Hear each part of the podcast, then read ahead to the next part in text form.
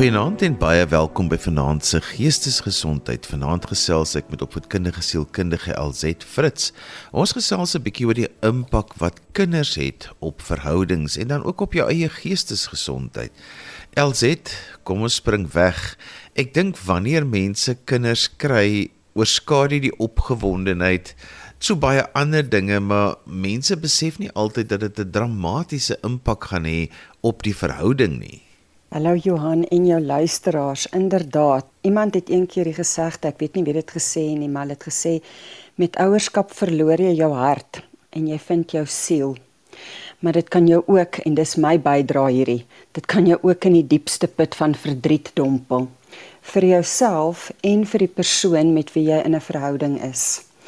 Um en jy's heeltemal reg, daar is baie keer hierdie idilliese beeld wat geskep word, veral wanneer iemand swanger is en dis groot opgewondenheid en is ooievaarsstees en dis geskenke en mense berei hulle voor vir um die perfekte prentjie want dis wat baie keer voorgehou word um ook deur familielede en vriende bitter min van ons is eintlik eerlik oor die swaar wat ook met ouerskap gepaard gaan en die impak wat dit op jou verhoudings het.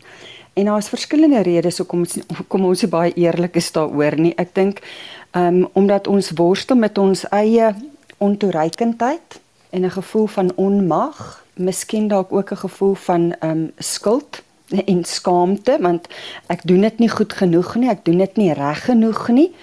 Die vrees vir oordeel want um vriende en familie het baie keer baie advies en kommentaar te lewer. En ja, oor die algemeen as jy op nou sosiale media ook gaan kyk, daar's baie keer hierdie perfekte prentjie wat geskep word en bitter min van ons leef in daai perfekte prentjie. LZ so hoe gemaak as ek myself wil voorberei ek en my lewensmaat vir hierdie groot impak wat dit gaan hê en ons praat by oomblik nou net van mense wat twee mense saam wat 'n kind wil hê en wat tog saam by mekaar wil wees. So as hulle in daai punt van hulle verhouding is, die eerste ding is ek dink jy moet jouself ongelooflik goed leer ken. Jou goeie eienskappe, maar ook jou minder goeie eienskappe en so ook die ander persoon in die verhouding. Julle moet agslaan op jou op diself, maar ook op die ander met die bewussyn dat die kind wat jy gaan hê as as daai kind in oorsprong tussen die twee van julle is, dan moet jy besef daai kind gaan eienskappe van jou hê en van jou eggenoot um, of jou partner en die familie. So jy moet maar ook 'n oog op die familie hou want ons weet daai genetiese oordrag speel 'n rol. Dis baie keer klein dingetjies. Ek verkreuk hom altyd. Ek het 'n familielid en en as daai persoon op 'n sekere manier praat, dan kan ek hoor die die ander familielede. Ek ek kan hulle hoor in my my geestesoog. En dis baie keer die goed wat wrywing kan veroorsaak. Dit kan irritasie veroorsaak. Ons hou nie altyd daarvan om onsself en die negatiewe eienskappe in die spieël te kyk nie. Des te meer as dit in jou kind na vore gaan kom. En dan iets dit klink dalk ehm um, voor die hand liggend, maar mens moet agslaan daarop. Jou slaappatrone. Wanneer 'n kind in die wêreld kom, moet jy maar weet jou slaappatrone gaan geaffekteer word. En as jy iemand is wat meer slaap benodig, dan gaan jy 'n plan moet maak hoe gaan jy kan cope? Hoe gaan die ander persoon in die verhouding jou help om deur hierdie moeilike fase te kom wanneer 'n kleintjie nie slaap nie? Dis waar dit um, noodsaaklik is dat daar twee persone moet wees in daai kind se lewe dat as die een dit nie kan hanteer nie, moet die ander een kan kom onderskep. Daar moet 'n aanvullendheid wees want jy kan ek moet nou my my woorde weer versigtig tel. Dis baie moeilik om 'n kind stoksiel alleen groot te maak. En ek haal my hoed af vir die mense wat dit wel doen, want ek weet nie hoe hulle dit reg kry nie. Mense gaan kyk maar op die oomblik vir wie bied verdere ondersteuning. Maar dis juis wanneer die wiele begin afval en een persoon se kapasiteit min raak, dat daar iemand anders moet wees wat kan onderskep en verkieslik um die persoon met wie jy 'n baie hegte verhouding het. LZ, ek wil ook uitkom by die feit dat 'n mens mos nou altyd in populêre sielkunde vir mense sê daarso jy trek seker drie kringetjies op die bladsy. Dan sê jy nou kan die een is nou die een se naam en dan in 'n ander kringetjie kom die ander lidmaat van die verhouding se naam en dan die derde kring wat jy nou trek is nou die verhouding en dan sê ons mos nou maar altyd al drie van hierdie moet aandag kry en al drie van dies is nou soos plantjies wat jy moet water gee. Maar nou kom daar kinders by dan trek 'n mens nou nog 'n klompie kringetjies daarby en dan raak dit al hoe moeiliker want niemand kan hulle self voorberei oor hoe gaan hulle in 'n verhouding wees as hulle dit nou moet deel met 'n derde persoon wat in hierdie geval nou nie 'n buiteegtelike persoon is nie, maar 'n derde persoon wat 'n baba is vir wie albei onmiddellik lief is. Dis reg ja en en daai kringetjies word dan reg oor die plek geskiet. Jy weet nie hoe hulle gaan spat nie. En ek lag altyd baie keer stilweg wanneer mense sê maar hulle wil graag 'n kind hê en die kind gaan inval by hulle rotine. En dan dink ek sterkte daarmee. Ek hoop dit gaan vir julle so uitwerk, maar as 'n kind siek is, is jou rotine by die deur uit. As die onvoorsiene gebeur en daar's 'n traumatiese gebeurtenis wat 'n traumatiese reaksie tot gevolg het, dan is die rotine by die deur uit. Leer belemmeringe dit dit maak dit baie moeilik. So dit is daardie goed waarop 'n mens nie altyd voorberei is nie. In jou kop wanneer jy dink jy wil graag 'n kind hê met die persoon vir wie jy baie lief is, dan skep jy daai idilliese prentjie. Jy besef nie al die eienskappe wat kan inkom, die elemente wat kan inkom wat daai perfekte prentjie in sy kanon in gaan blaas. En ek dink dit is op die ou einde waar dit so belangrik is dat mense wel klasse kan bywoon of openlik met iemand kan praat of met iemand kan kan gesels, miskien dalk nog voordat hulle kinders het, om te kan agterkom goed. Weereens, wat is my my eienskappe, my goed, my sleg? Wat gee vir my irritasies?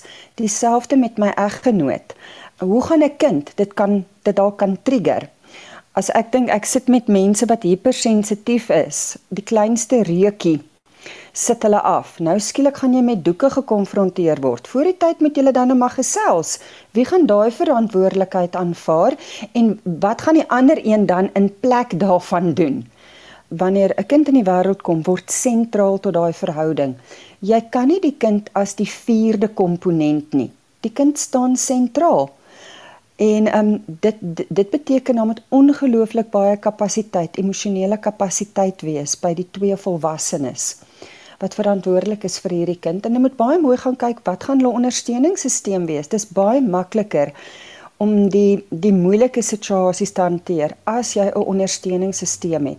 As daar ehm um, ouers in die prentjie is, grootouers, familielede, tannies, ooms, 'n huishulp. Ons is baie bevoorreg in die Suid-Afrikaanse konteks. Baie van ons maak gebruik van huishulpte. Ons besef nie altyd wat se redding dit dalk vir ons gee, maar soms dalk ook maak dit die lewe in ander opsigte weer vir ons um, maklik moeilik.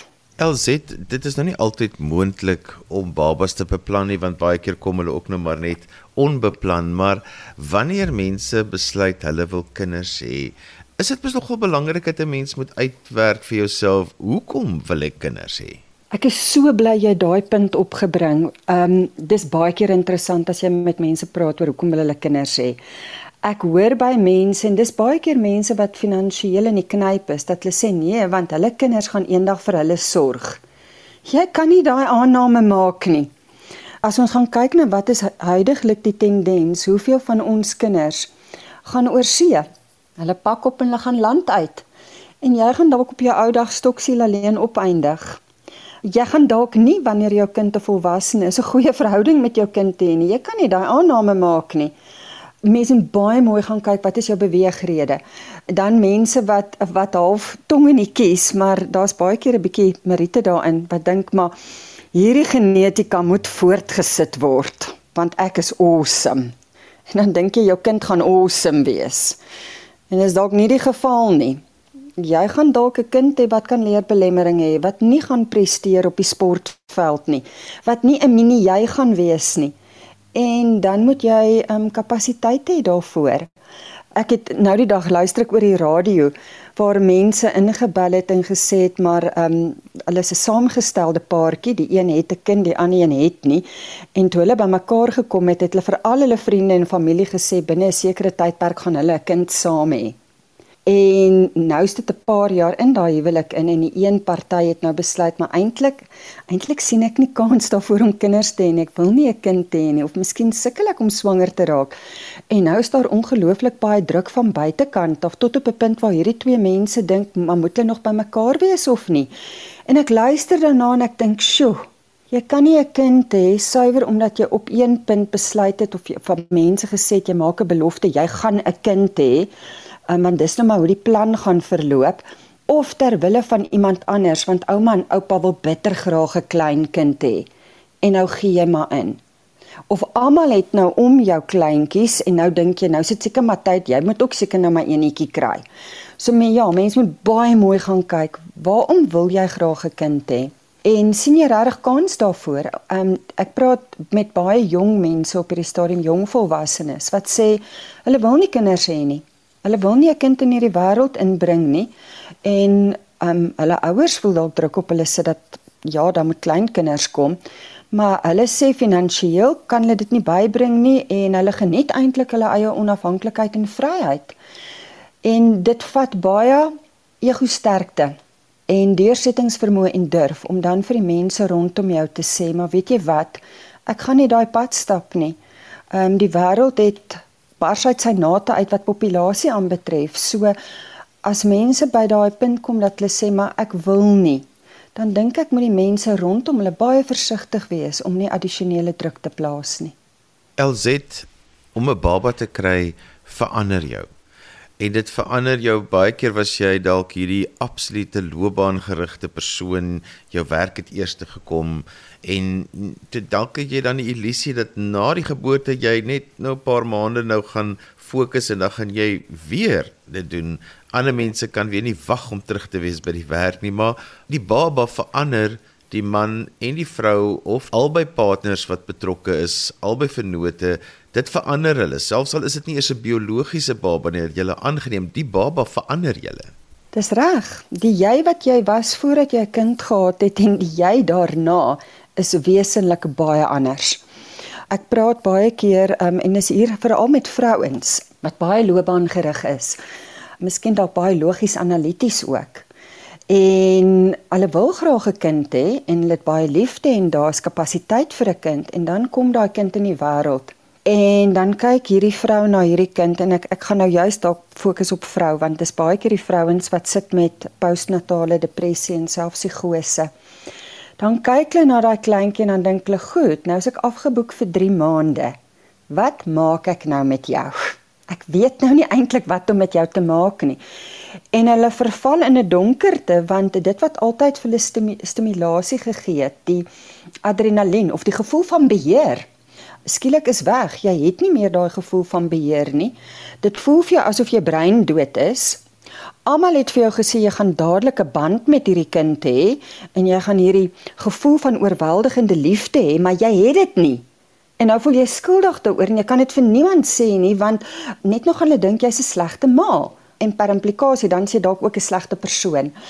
So dis een van die tipe veranderinge wat kan plaasvind in 'n paartjie, daar was dalk genoeg tyd gewees om saam dinge te doen, mekaar se geselskap te geniet op al die verskillende vlakke, emosioneel, kognitief, fisies. En skielik is daar nou 'n babietjie en julle kom nie meer so gereeld by mekaar uit nie. Frustrasie bou op. En dan is dit baie moeilik om openlik met iemand daaroor te praat en wanneer een persoon of beide persone voel ek tel nie meer nie, ek is nie eintlik meer belangrik nie dan kan dit baie keer manifesteer as 'n uh, 'n woede. Dit kan ook later 'n woede wees teenoor die kind en teenoor die ander persoon. Soms teenoor jouself. So daar's 'n mengelmoes van emosies wat 'n persoon kan ervaar wat 'n mens buite beheer kan laat voel. So ja, mens is nie dieselfde as wat jy was voordat jy 'n kind gehad het nie.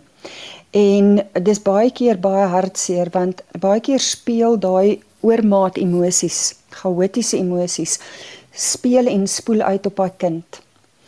En 'n paar jaar later dan dan sien ek en die mense in my professie sien dan daai kind en dan sien jy die intense woede en frustrasie wat die kind uitspeel.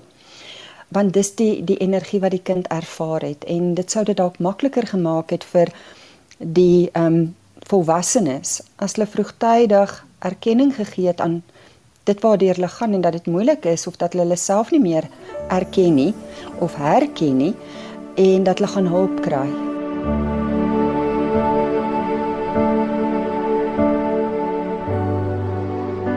Alsit het net 'n baie interessante ding gesê en ek wil graag hê ons moet bietjie daaroor gesels. Is dit is daai druk wat op 'n op 'n nuwe ma en 'n nuwe pa is om onmiddellik lief te wees vir hierdie skreeuende bondeltjie. Dit is was nou 'n absolute mite. Weet jy ek ek bewonder mense wat moontlik daai ervaring gehad het of het, maar baie mense het dit nie. As jy net gaan gaan dink, ehm um, veral vrouens wat dalk een idee gehad het van hoe die geboorteproses gaan verloop. Hulle het hierdie wonderlike plan gehad. En dan werk dit nie so uit nie. Skielik is jy buite beheer, jy's in die hande van die mediese professie. Daar gaan jy vir jou operasie, die keisersnee wat almal laat klink asof dit 'n tjoef tjaf daar kom jy babietjie is daar en binnekort is jy op jou voete en jy loop in daai gange met hierdie babietjie wat skreeuend tussen jou arms mense maak lig van goed wat nie noodwendig lig is nie. En dan misken hulle die emosies wat daarmee gepaard gaan. Wanneer daar aan jou liggaam gesny word, word daar gesny. Dit is seer. Dit is die realiteit. Sommige mense is geseënd met daai oormaat endorfine en baie goeie ondersteuning. Hulle kan dit beter hanteer. Maar vir ander mense sit jy nou as jou liggaam seer, jy het nie goed geslaap nie. Die babietjie wil nie dadelik aan jou drink nie. Jy sit met 'n warboel emosies en hormone. En dan sit jy nog met die ander party se emosies ook, afhangende van hoe hulle ingestel is op die volwassenes se behoeftes en of hulle eintlik net ingestel is op die babietjie. So dit alreeds bring al klaar 'n klomp emosies op die tafel. En ek dink as mense dalk meer openlik hieroor praat, is wonderlik. Mense gaan vir vir um beplanning voordat 'n babatjie gebore word. So hulle gaan na die vroedvroue toe en hulle leer hoe om voor te berei vir die babatjie en dalk doeke om te ruil, maar bitter min mense berei die ma en die die ander party voor vir wat gaan jy moontlik ervaar as daai babatjie eers kom en daai babatjie slaap nie en die babatjie is knieserig. Die babatjie is siek. Daar's dalk 'n liggaamlike tekortkoming of daar's iets anders. Maar jy het, jy het een van daai difficult to soothe babatjies en hoe hoe moeiliker dit vir die babatjie is om rustiger te raak, hoe meer angstig raak die mamma of die die ander party, hoe meer onrustig raak die babatjie en dit raak 'n 'n bose kringloop. So ek dink ons het regtig behoefte dat mense net 'n bietjie meer eerlik moet wees en terselfdertyd dan kan sê maar dis nie die einde van die wêreld nie. Met ondersteuning gaan jy hierdeur kan kom. Op die ou einde jy hoef nie die perfekte ouer te wees nie. You have to be good enough en daar gaan oomblikke wees wat dit vir jou voel jy's in die diepste put van donkerte en dan gaan daar weer oomblikke van ligtheid wees wanneer die kind dalk vir jou glimlag of daar's daai koneksie maar dit gaan dalk nie dadelik gebeur nie en dis eintlik heel normaal. LZ Dr. Melody die jager sê altyd elke baba wat gebore word is eintlik 'n tweeling.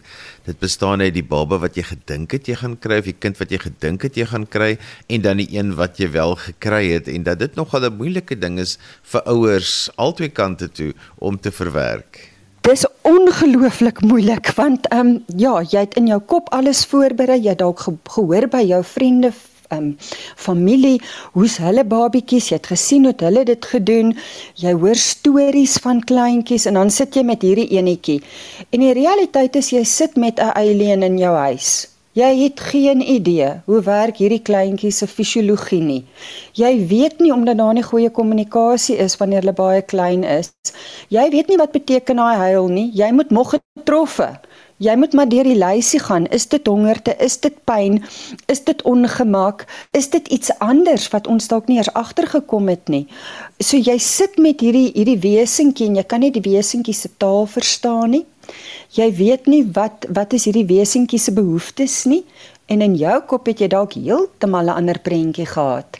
En dit kan 'n realiteit bomskok wees op die stelsel tot op 'n punt waar mens later eintlik half skuldig wonder maar hoekom het ek nou eintlik hierdie kind gehad en dan voel jy nou skuldig omdat jy dit ook nou nog dink. So ja, sy's heeltemal reg. Mens sit met 'n tweeling En afhangende van die intensiteit van daai kind se se samestelling, is dit soms 'n vierling. Dit hang letterlik af hoe die wind waai van oomblik tot oomblik. En ons meer sensitiewe kinders, ehm um, veral op 'n sintuiglike vlak wat baie meer prikkelbaar is, is baie keer as kleintjies bietjie moeiliker as die gewone.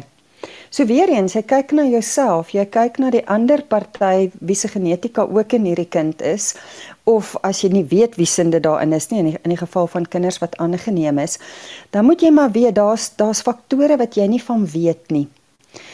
En dan moet jy maar ingestel wees op goed. Jy kyk maar wanneer is daar 'n rustigheid en jy probeer dit sover as moontlik repliseer. En as die oorhand, ehm um, jy die oorhand voel van uh, moegheid, moedeloosheid, gaan klop aan vir hulp voordat jy in 'n onbewaakte oomblik dit op daai kleintjie uithaal. Els het in die begin is dit mos nou normaal dat almal se fokus nou op hierdie nuwe bondeltjie vreugde is en almal is opgewonde, almal sê vir jou geluk en almal is regtig bly dat veral die grootouers is nie weet is trots en almal is dis net eh, die verwagting van die gemeenskap is een groot feesviering vir hierdie nuwe lewe wat nou in die wêreld gekom het en wat nou aan julle toe betrou is, maar dan kan dit mos nou nie so aangaan nie want hulle is nog steeds binne in 'n verhouding gebore. So Party van die mense wat dan nou 'n baba kry, ontwikkel amper 'n ongesonde, wil ek amper sê, kompulsiewe verhouding met hierdie dat hulle dit is dan al wat tel is net hierdie kind en hulle vergeet op die ou end dat hulle eintlik hierdie babas in 'n verhouding gebore. Ek sê altyd vir ouers, jy moet onthou waarna toe mik jy? Jy mik dat hierdie kind op die ou einde eendag moet kan vlerke kry en vlieg. En mens wanneer jy daai babatjie vashou, vergeet jy dit is waarna toe jy mik. En tyd gaan baie vinniger verby as wat ons dink. Ek dink as jy met enige volwassene praat met 'n kind, gaan hulle vir jou kan sê die een oomblik is dit 'n babatjie en die volgende oomblik moet hulle eintlik uit die huis uit. Jy kan nie wag nie. En as jy al jou aandag net op daai kind fokus, dan beteken dit wanneer jy by daai punt gaan kom, gaan gaan jy nie meer doel in die lewe hê nie. Maar kom ons kyk vanaf die oomblik wanneer jy die babatjie tot by daai punt. Dan gaan jy moet besef as jy al alles investeer op daai kind, dan gaan dit beteken jy leef eintlik deur daai kind. Die druk wat daai kind gaan ervaar is onmenslik. Want die kind gaan nie kan voldoen daaraan nie. Dit is die kinders wat by die skool toppunte moet kry. Hulle moet presteer, nie vir die kind se onthaalwe nie, maar vir die ouers se glorie. Hulle moet op die sportveld presteer. Hulle moet kultureel presteer. Hulle mag nie 'n fout maak nie, want ehm um, dan gaan die ouer dit ervaar as 'n mislukking vanaf die ouer. Geen mens kan onder daai druk funksioneer nie. So daai kinders nommer 1 kry ongelooflik swaar. Tweedens, jy verloor die ander persoon in die verhouding. En dan ontstaan daar later jaloesie van een van die kante af, want gewoonlik beteken dit een ouer het 'n baie hegter verhouding met hierdie kind as die ander ouer. En dan ontstaan die die situasie van good cop bad cop. En daar's baie keer hierdie onderliggende gevoel van ek is te nagekom. Kind het my plek gevat. Ek tel nie meer nie en dit raak 'n baie ongesonde patroon binne in die gesinskonteks En weer eens, dis baie moeilike kind om op 'n kind op jou eie groot te maak. Jy het die ander persoon nodig, so jy moet die ander persoon erken. Daar moet op 'n emosionele vlak gedeponeer word in die, in die, in 'n ander volwassene se emosionele spaarvarkie. Nie net in die kind nie, want anders wat jy ook doen, is jy maak eintlik die kind in beheer van die huis en van die volwassenes. En weer eens, 'n kind kan nie daai druk ervaar nie. En dan sit jy met 'n um, 'n hele sameloop van emosionele en gedragsprobleme wat gaan ontstaan as gevolg daarvan. Elzet net soos wat 'n mens dink jy het nou ouerskap onder die knie, dan word jou kind 'n tiener. En tieners kan ook ongelooflike druk op ouers se verhouding sit. Elke ontwikkelingsfase bring sy eie geskenkie. Maar niks gaan jou voorberei op die geskenkie van adolessensie nie. So al die persoonlikheid patrone wat jou kind gehad het, weet ons op hierdie stadium as gevolg van die veranderinge wat in die brein plaasvind word ver, vergroot en vererger en geïntensifiseer. So jou jou sensitiewe kind hypersensitief in adolessensie. Jou jou kind wat van nature bietjie meer rebels was of bietjie meer daarvan gehou het om te stry, gaan nou uit die nate uitpop in 'n uh, 'n top uh, prokureur en jy gaan elke geveg verloor. En in my ervaring, daai knoppie wat vir 'n ouer belangrik is, sê nou maar dit gaan oor jy moet reëls nakom. Vir jou is dit 'n belangrike waarde in jou huis. Reëls moet nagekom word. Baie keer is dit dan daai knoppie wat jou tiener gaan druk. Daai knoppie wat vir jou belangrik is. Hulle gaan daai knoppie druk want hulle wil 'n reaksie kry. Hulle toets grense. En in 'n mate wil hulle ook eintlik kyk, gaan my ouers nog vir my lief wees wanneer ek my skadukant um openbaar? Want in adolessensie is dit eintlik die enigste keer wanneer 'n persoon daai skadukant na vore kan bring met die verwagting dat iemand moet nog vir jou lief wees. So dit bring 'n heeltemal 'n ander dimensie en um enige krakies wat dalk al van tevore in die verhouding was of in die gesinsamestelling was word baie keer tydens adolessensie vergroot. As gevolg van die spanning wat wat adolessensie meebring en ek dink ouers besef nie altyd 'n adolessent is nie aspres so nie. Dis vir hulle 'n ongelooflike moeilike tyd en as ek gaan kyk ons huidige adolessente tot en met jong volwassenheid wat deur 2020 2021 nou ook geraak is. Hulle sit met 'n uh, 'n donker wolk om hulle baie van hulle want hulle kyk na hierdie wêreld en hulle vra, vra vir hulle self af, maar waarvoor ehm um, is ek nou eintlik hier? Jy wil vir my hierdie wêreld gee wat so in chaos is. So dit bring hulle eie angs na vore en dit trigger dan op die ou net die ouers se angs. En dit weer eens vereis dat die ouers moet kan saam staan om mekaar te ondersteun om 'n kind deur hierdie fase ook te help. Want alsit 'n tiener wat die grense toets maak dit moeilik vir die twee wat in die verhouding is wat hierdie tieners moet grootmaak want elkeen wil dit min of meer hanteer soos hulle groot geword het of hulle wil heeltemal kompenseer om dit te hanteer soos hulle nie groot geword het nie. En baie van die konflik in verhoudings kom dan juis oor hoe hanteer ons nou hierdie krisis wat die tiener geskep het wat maar net sy grense toets en sy identiteit probeer vind. Dis ongelooflik akkuraat daai. So die kern daar is kommunikasie die die twee volwassenes um, in daai verhouding gaan uiters goeie kommunikasie met mekaar moet hê.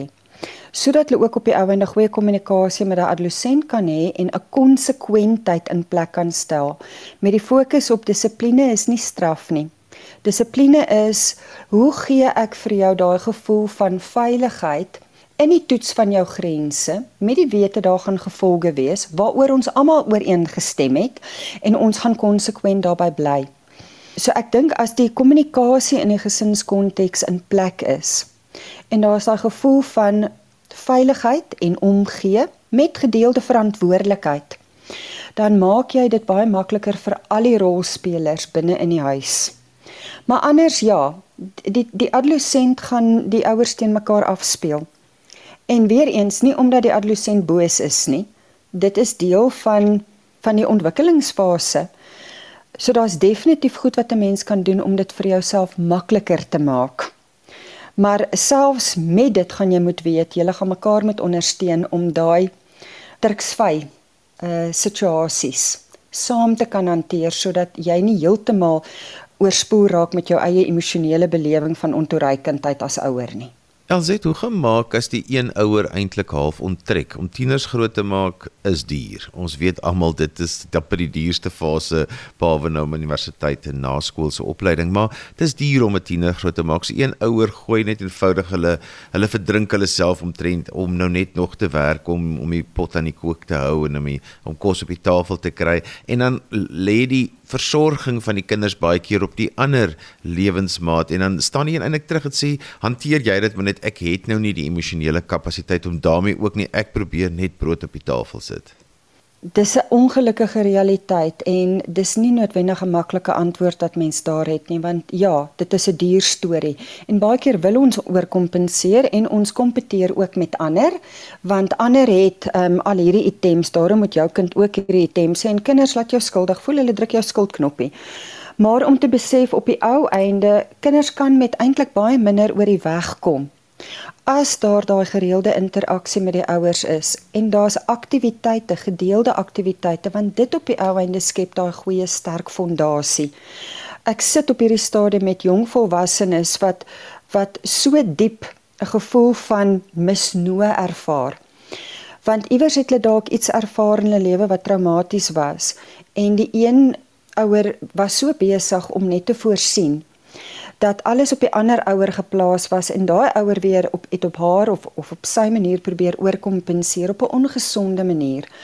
En nou kom daai kind en sê maar jy was nooit daar vir my nie. Dis eintlik jou skuld dat hierdie goed met my gebeur het want jy was nie daar nie.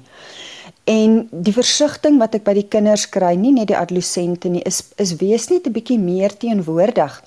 Deel in my belangstellings.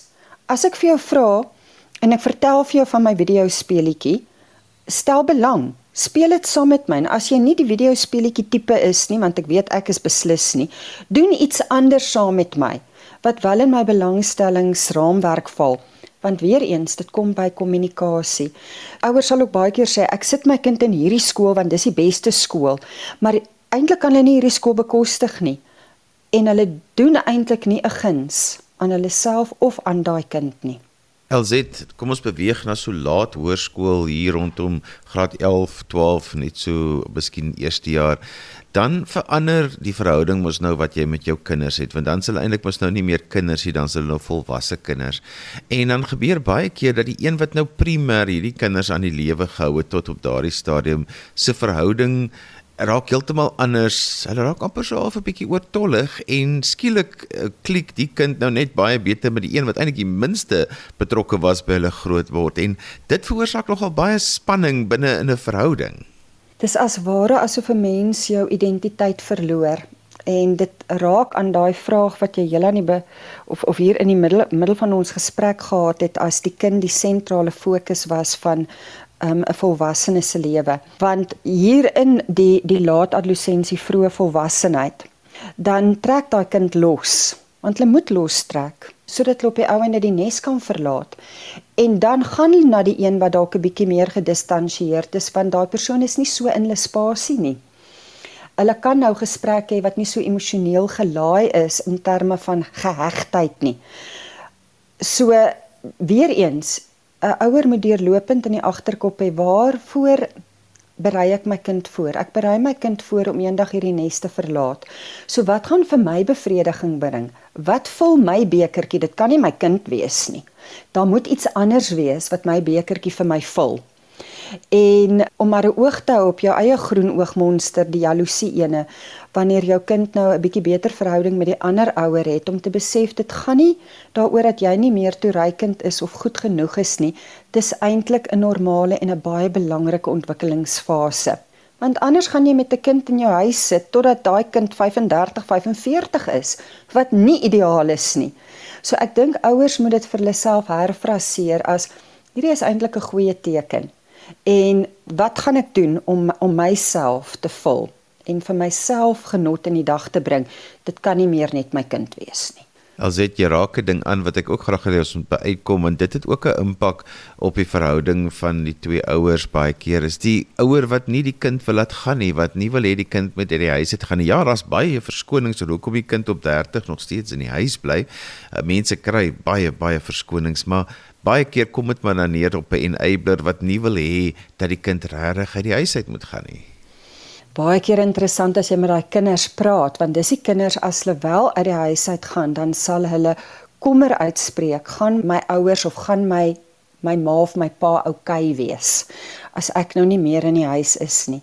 Want daai kind is baie keer bewus van 'n onderliggende spanning, verhoudingsspanning tussen die twee volwassenes en die kind weet ek is eintlik die gom om hulle bymekaar te hou. En dit is dis nie 'n 'n goeie pakkie vir 'n kind om te dra nie.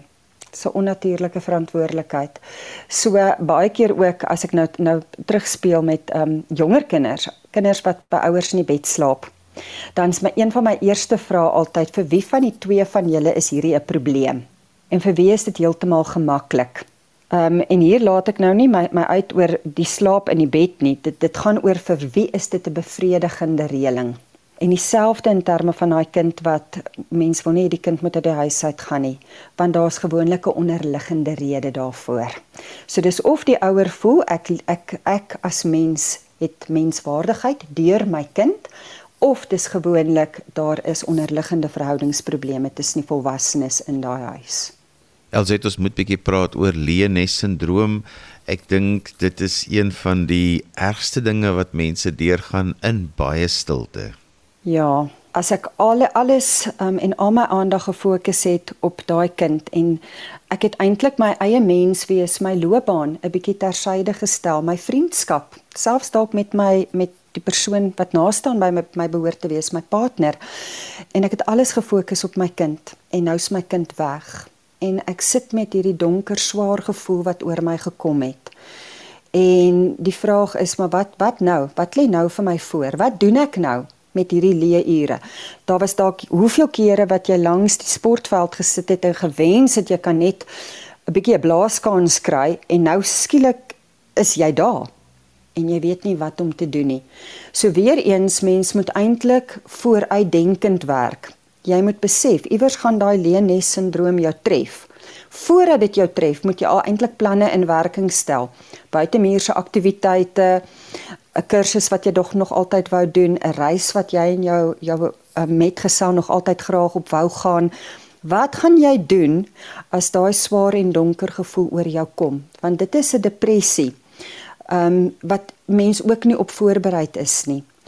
En 'n mens moet versigtig wees. Jy kan depressie ervaar, maar jy moet hom nie doen nie. So die sleutelwoord is wat gaan jy doen wanneer daai swaar en donker gevoel oor jou kom? Elsit, ons het vroeër in die program gepraat oor die twee sirkeltjies waarmee mens begin. Dit is nou eers twee verliefdes wat nou sy Akkin se naam in 'n sirkeltjie is en dan ontstaan die verhouding wat ook 'n sirkeltjie is en al die moet nou water kry soos plantjies en dan kom die kinders by en so word die sirkeltjies nou meer. Maar dan kom die groot uitdaging is wanneer jou kind nou ook hulle eie sirkeltjies begin kry en dan nou ook hulle eie lewensmaat en kinders en dit het ook 'n reuse impak op jou en jou lewensmaat se verhouding. Dit het ja, dit hang ook af in watter mate wil jy betrokke wees by daai by daai addisionele kringetjies. Ehm um, en hier hier moet ouers versigtig wees dat hulle nie te groot en grouwe uitsprake maak oor hulle kind, hulle kind se lewensmaat, die die, die lewenstyl, selfs die kinderopvoeding. Ek dink die voorreg wat grootouers het is hulle kan 'n helpende hand wees, maar hulle moet dalk 'n stiller mond hê. Ryk uit Gee ondersteuning waar jy kan, maar wees baie versigtig met die advies wat jy gee. Lei dalk eerder um jou eie kinders in hulle kringe om die advies te kry wat vir hulle gemaklik gaan wees as wat jy vir hulle gaan sê wat hulle moet doen en wat hulle nie moet doen nie. Want dit op die ou en dan kan soveel um spanning op die verhoudings van jou kinders plaas dat hulle later jou kan op sy skuif omdat hulle kies hulle nuwe gesin en waar jy dalk deel kon gehad het in daardie uitgebreide gesin, gaan hulle jou op sy stoot. So ek dink definitief die rol van grootouers in die addisionele um, uitbreiding van um, die gesinskonstellasie is ongelooflik belangrik. Maar dit moet met oordeelkundigheid geskied.